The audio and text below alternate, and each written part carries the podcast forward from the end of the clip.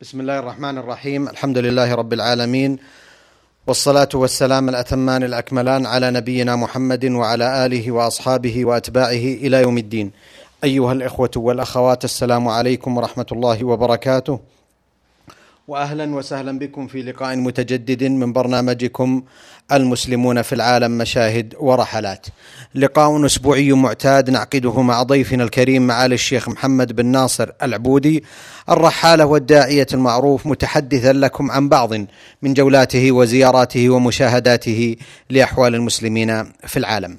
معالي الشيخ محمد في بدء ومطلع هذا اللقاء باسم مستمعي ومستمعات إذاعة القرآن الكريم يسرني أن أرحب بكم وأشكر لكم هذا التواصل المبارك. معالي الشيخ محمد في الحلقة الماضية توقف الحديث حسب علمي عن السويد وذكرتم العديد من التفاصيل سواء كانت التاريخية أو عن بعض أحوال المسلمين هناك هل من مزيد من مشاهداتكم في تلك الزيارة؟ بسم الله الرحمن الرحيم الحمد لله رب العالمين وصلى الله وسلم وبارك على عبده ورسوله نبينا محمد وعلى آله وأصحابه أجمعين. أما بعد فإن الأمر كما أفضلتم وكرمتم أيها الأخ الكريم الدكتور محمد بن عبد الله مشوح هو أن الحديث يتعلق بالسويد وأقول أن هذه آخر حلقة في جعبتنا من الحديث عن السويد.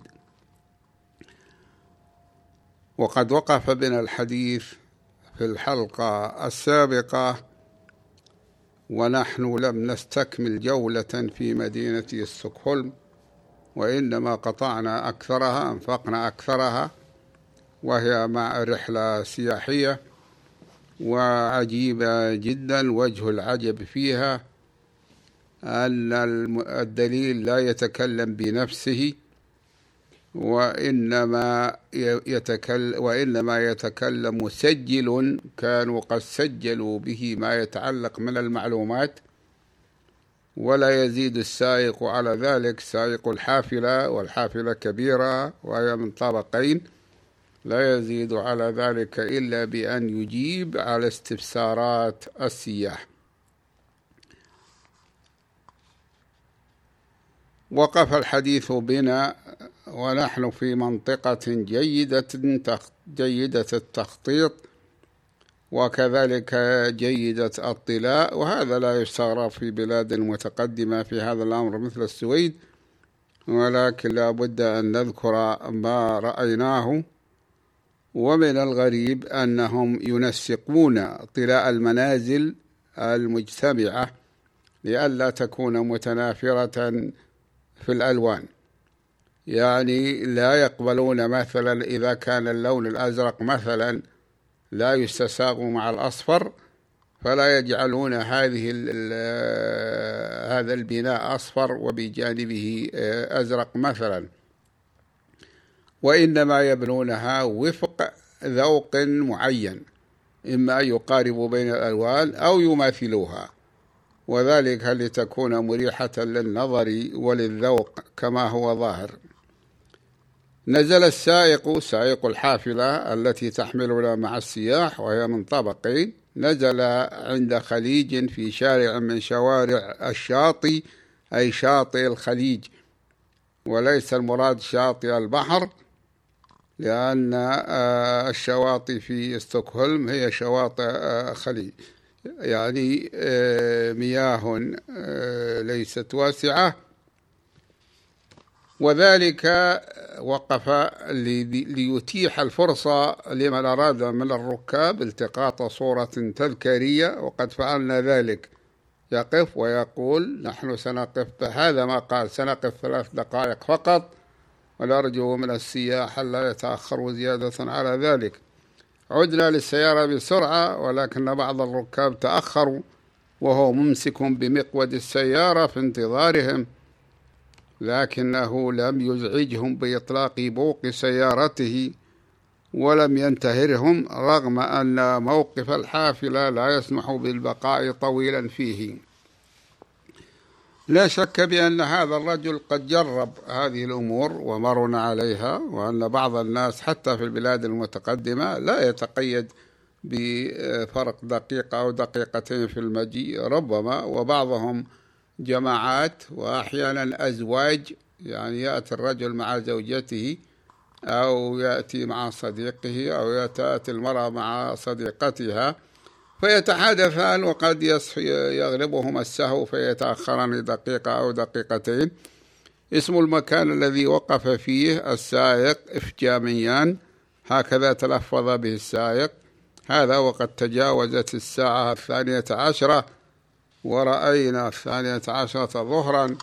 ورأينا عددا من الكنائس العالية الأبراج. وهذا لا يستغرب عندهم.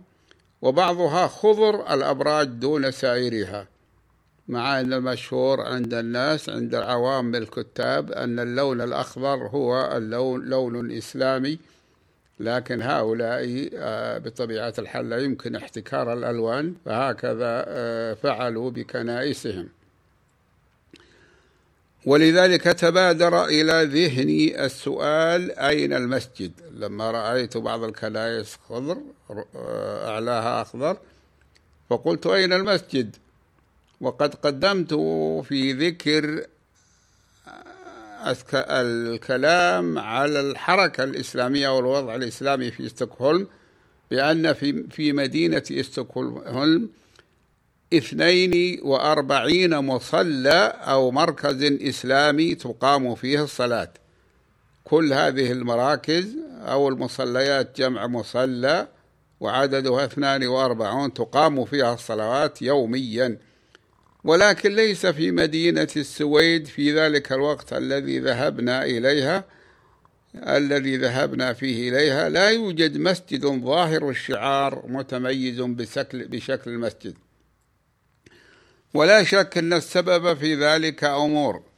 الأمر الأول أن البلاد غالية جدا الأراضي غالية ويحتاج الأمر إلى أناس عندهم قدرة مالية قوية والخير كثير في أمة محمد.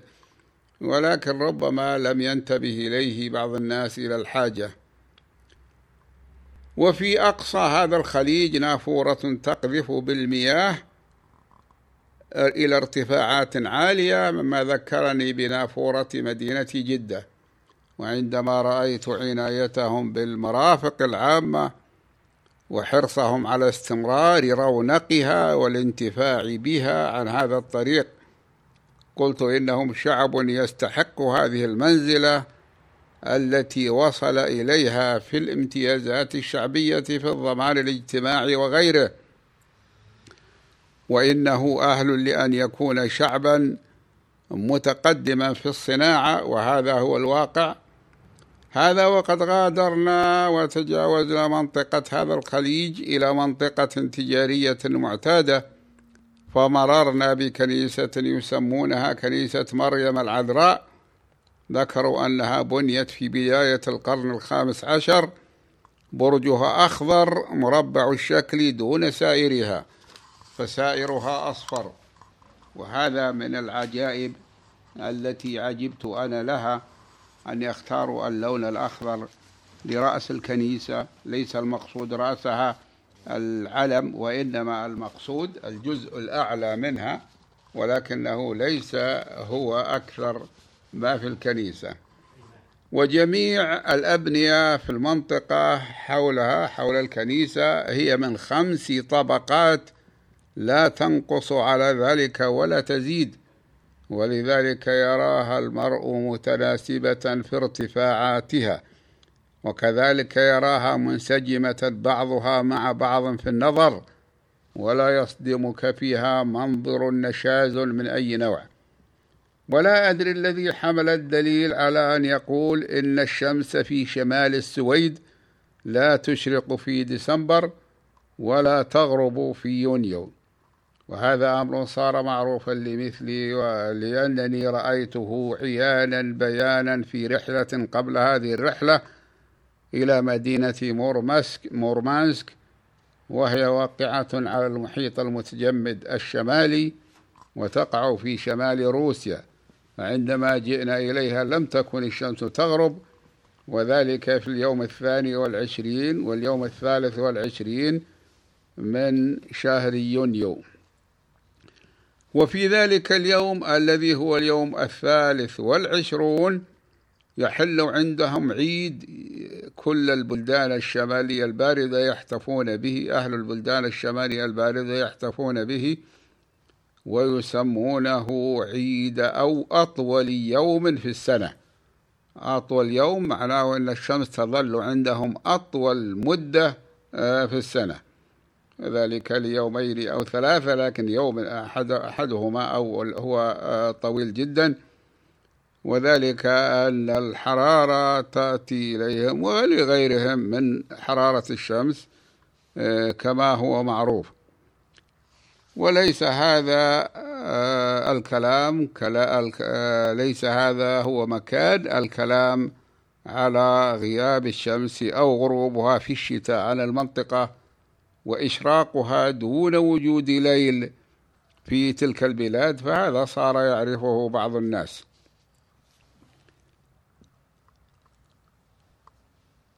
وقد وصلنا الحافلة وصلت إلى الخليج الذي كنا في جانب منه قبل قليل وهو من البحيرة الكبيرة ممتد من البحيرة الكبيرة التي تقع عليها ستوكهولم أو جزء من مدينة ستوكهولم ويسمونها ميلر. وتمتد البحيرة من ستوكهولم إلى عاصمة السويد القديمة على بعد نحو 120 كيلومترا. ولكن مر السائق بحافلته بأماكن تستحق الذكر قبل أن يختم الجولة منها منزل ألفريد نوبل مخترع المادة المتفجرة المسماة الديناميت.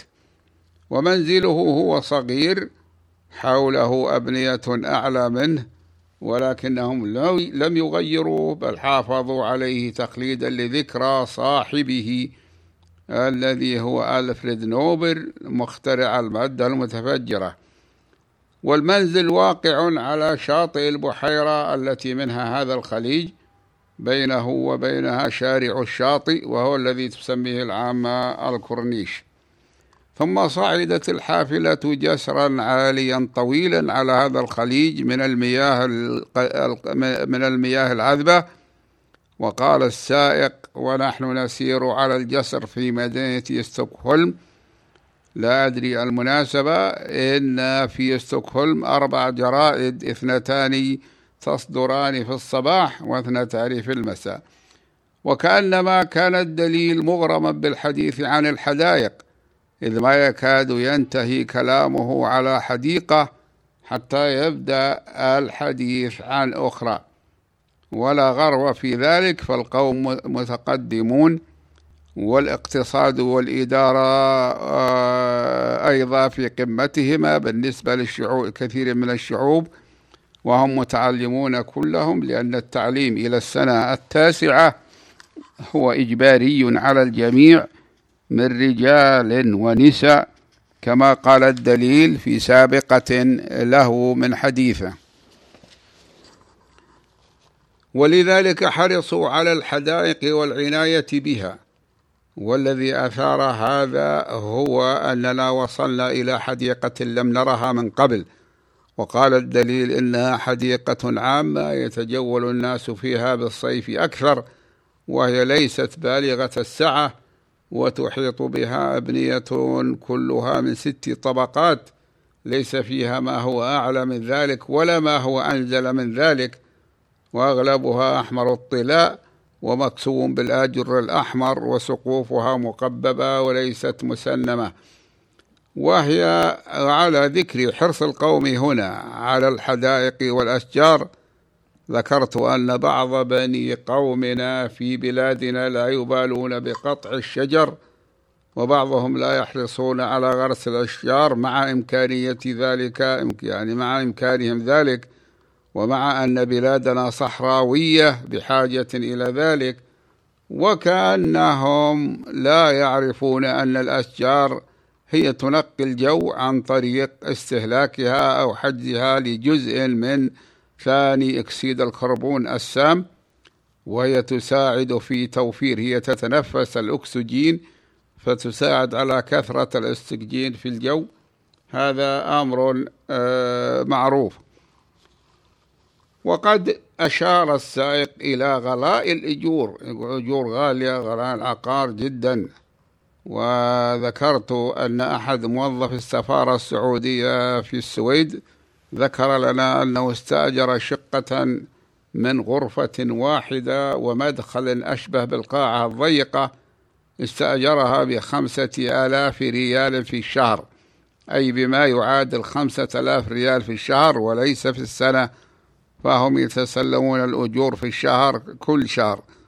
وهذا جيد جدا بالنسبة لصاحب العقار إذ ما أن يتخلف المستأجر عن دفع الأجرة لشهر إلا يعرف له الحق والقانون. لا أدري عن القانون في السويد ولكن في معظم بلاد العالم له الحق بأن يخرجه يخرج المستأجر. أما عندنا فإنه يبقى اثني عشر شهرا لأن العقد يكون إلى سنة. ثم بعد ذلك يبدأ يماطل ولا يدفع بقية الأجرة لأن الناس عندنا اعتادوا على أن يأخذ الأجرة دفعتين نصفها قبل أن يدخل إلى البيت والنصف الثاني بعد مضي ستة أشهر. وقد آه، رأيت أو ذكرت أن الفرق بين الشقق في بلادنا وغلاء الشقق هنا في هذه البلاد أنني رأيت في حي الملك فيصل في الرياض شقة أجرتها سبعة عشر ألف ريال في السنة مع أن فيها أربع غرف وحماما إفرنجيا وحماما عربيا ومطبخا وقاعة توزيع. ثم عدنا إلى الخليج وقال الدليل, الدليل نحن نعود الآن إلى الخليج الذي فيه مكتب الشركة وهو الذي انطلقنا منه فسلكنا شارعا غير واسع يفصل بين السيارتين المتقابلتين فيه خطان أبيضان في أرضه وفي الجانب الذي يلي الخليج منه مواقف مخططة للسيارات والوقوف فيها بأجرة غالية. والمقصود أجرة غالية لا يمكن أن يتصور الإنسان أنه يستطيع أن يوقف سيارته مجانا في موقف مجانا إلا في خارج المدينة وبخاصة إذا كانت أمام بيته. وبعض البلدان مثل فنلندا حتى الوقوف خارج بيتي خارج السيارة عليه ضريبة يعني أجرة وقوف. السيارات هنا كثيرة وهذا أمر طبيعي لما ذكرته ولكن الملاحظ أن السيارات الفخمة الغالية الكبيرة فيها قليلة ثم وصلت الحافلة إلى مبنى أسود تجلله نباتا نباتات متسلقة خضر اهتم به الدليل وقال هذا المبنى بني عام 1855 ويعجب المرء من إكثارهم من الخضرة رغم كون بلادهم خضراء خضراء طبيعية. ولكن يجب أن نلاحظ أن هذه الخضرة عندهم التي نراها مؤقتة. ففي فصل الشتاء يموت كل شيء وتعدم آه، الخضرة. وقد آه، كنت أرى من نافذة غرفتي من الفندق بعض البيوت فيها أصص فخارية قد استنبتوا فيها أزهارا أو أعشابا جميلة المنظر. فقلت سبحان الله العظيم لم يكفهم هذه البلاد الخضراء التي يكون عدد الأشجار فيها أكثر في فيما هو خارج قلب المدينة. أحيانا يكون مثل البيوت أو أكثر في بعض الأماكن ومع ذلك آه، يستنبتون الأزهار والنباتات المتميزة والتي لونها أو منظرها جيد. قبل الانتهاء من الجولة كانت الحافلة تسير في منطقة حديثة مزدحمة بالسائرين وبالسيارات. قال الدليل إنها أنشئت في عام 1950 ولا أدري أيريد ذلك من إنشائها أو استكمالها. لكن على أي حال بلادهم حديثة بالنسبة إلى بلادنا العربية القديمة ومدنها التاريخية. مثلا دمشق معروف عند الناس لا أقول أنا أن هذا هو الواقع ولكن معروف عند الناس والمؤرخين أنها أقدم مدينة في العالم. وأما المدن المصرية التي كانت قائمة في زمن الفراعنة فإن قد مضى عليها ثلاثة آلاف وخمسمائة سنة أو أربعة آلاف سنة. على أي حال ربما كان بعضها قد زال من موضعه فبني مكانه مدينة أخرى ولكن معروف أن هذا هو مكانها. أما هؤلاء فيفتخرون بأن عندهم مبنى مبني قبل ثلاثمائة سنة أو قبل مئتين وخمسين سنة أو ما أشبه ذلك. تكرر تساؤلي عن السيارات التي تسير في الشوارع فهي كلها تبدو كما لو كانت جديدة أو كانت مجددة الطلاء ولا شك أن الأمر ليس كذلك وأن بعضها قديم ولكنه معتنى به. وظني أن السلطات الرسمية تمنع سير السيارات الخربة أو التي تكون فاسدة الطلاء لأن هذا هو المعمول به في فرنسا. مثلا حفاظا على الذوق العام كما يقولون. وكذلك الأبنية هنا لا يوجد فيها مبنى مهمل أو مبنى يحتاج إلى ترميم. ورأينا لوحة تبين درجة الحرارة في اللحظة التي نراها فيها. فرأيناها ثلاثا وعشرين درجة. مئوية ولكن الجو شامس يشبه جو الرياض في الأيام غير الباردة من أيام الشتاء ونحن في الصيف. وقد انتهت جولتنا بوقوف الحافلة في المكان الذي انطلقت منه قبل نحو ساعتين فركبنا سيارة وجرة إلى فندقنا سائقها أخ من تونس أبيض اللون لم نعرف أنه عربي إلا عندما كلمنا. فذكرت له أننا ركبنا أمس مع سائق أجرة تونسي آخر فذكر أن التوانس في السويد عددهم ثلاثة آلاف. ولما ذكرت له أن الذي يص... ذكرت له أن الذي يصلي في المساجد لا يرى كثرة العرب فيها فقال المصلون قليل يمكن لا يزيدون على النصف. وقال يبلغ عدد سكان ستوكهولم مليونا ونصفا فيهم مئة ألف مسلم وأقول مئة ألف مسلم عدد طيب جدا وبخاصة إذا كان فيهم من يدعو إلى الله ويبين للآخرين محاسن الإسلام هذا العدد الذي ذكره لنا المسؤولون في الجمعيات الإسلامية هو ما ذكره هذا الأخ التونسي وأنه بحدود مئة ألف مسلم في. في ستوكهولم وحدها. فسألته سؤالا مباشرا عما إذا كان هو نفسه يصلي. فقال أصلي صلاة الضرورة. إذا فرغت من عملي ونهار الصيف يساعد على ذلك لأنني أفرغ من العمل قبل أن ينقضي وقت الظهر والعصر. الصيف بطبيعة الحال يطول فيها النهار آه، طولا عظيما. قلت وفي نهار الشتاء؟ قال أحرص على أن لا يفوتني وقت الصلاة. يقول هذا وفي بلاد حرية يعني أنه صادق ولا وجه للتشكيك في كلامه.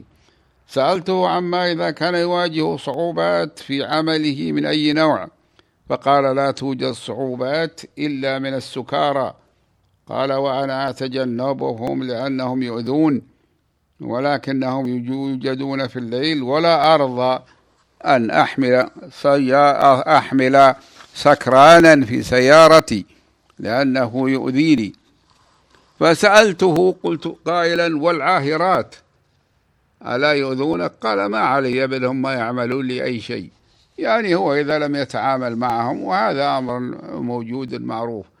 كل هذا السؤال عمن يركبون معه وهو كذلك وليس من يكونون في الشوارع. فهؤلاء لا يضايقون بشيء. إلا مثل السكارى وعددهم قليل. وقد سب الرئيس السابق التونسي الحبيب برقيبة وقال كنت قد تركت لي لحية في السويد فلم ينكر علي أحد من السكان في السويد. ولما ذهبت إلى تونس في عهد أبو رقيبة كانوا يستهزئون بلحيتي.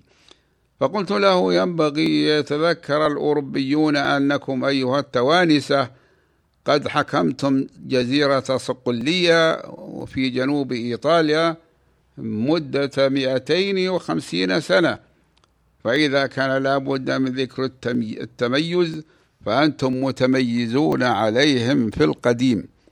وهذا أمر لا بد أن يعرفوا أخواننا التوانسة حتى يأخذوا العبرة منه ويعملوا على يترفعوا عن الأمور التي هي غير مناسبة. ثم أخذنا امتعاتنا من فندق الذي نسكن فيه وهو فندق إديون. وخرجنا في صحبة الأخ سعيد نورتال وشخص آخر اسمه أحمد على سيارة المركز فمررنا بمطعم تركي اسمه سفرة. وهذه لفظة عربية معناها عندنا ما يوضع عليه الطعام ثم توسع الناس في استعمالها. حتى صاروا يطلقون اللفظ على الطعام. يقولون إفلال راعي سفرة أي صاحب تقديم آه، للطعام. شكر الله لكم معالي الشيخ محمد في ختام هذا اللقاء. أتوجه بالشكر الجزيل بعد شكر الله سبحانه وتعالى إلى ضيفنا الكريم معالي الشيخ محمد بن ناصر العبودي الرحالة والداعية المعروف متحدثا لكم عن بعض من جولاته وزياراته ومشاهداته لأحوال المسلمين في العالم. نلقاكم أيها الأخوة والأخوات على خير في مثل هذا اليوم من الأسبوع القادم. وهذه تحية من محدثكم محمد بن عبد الله مشوح والسلام عليكم ورحمة الله وبركاته.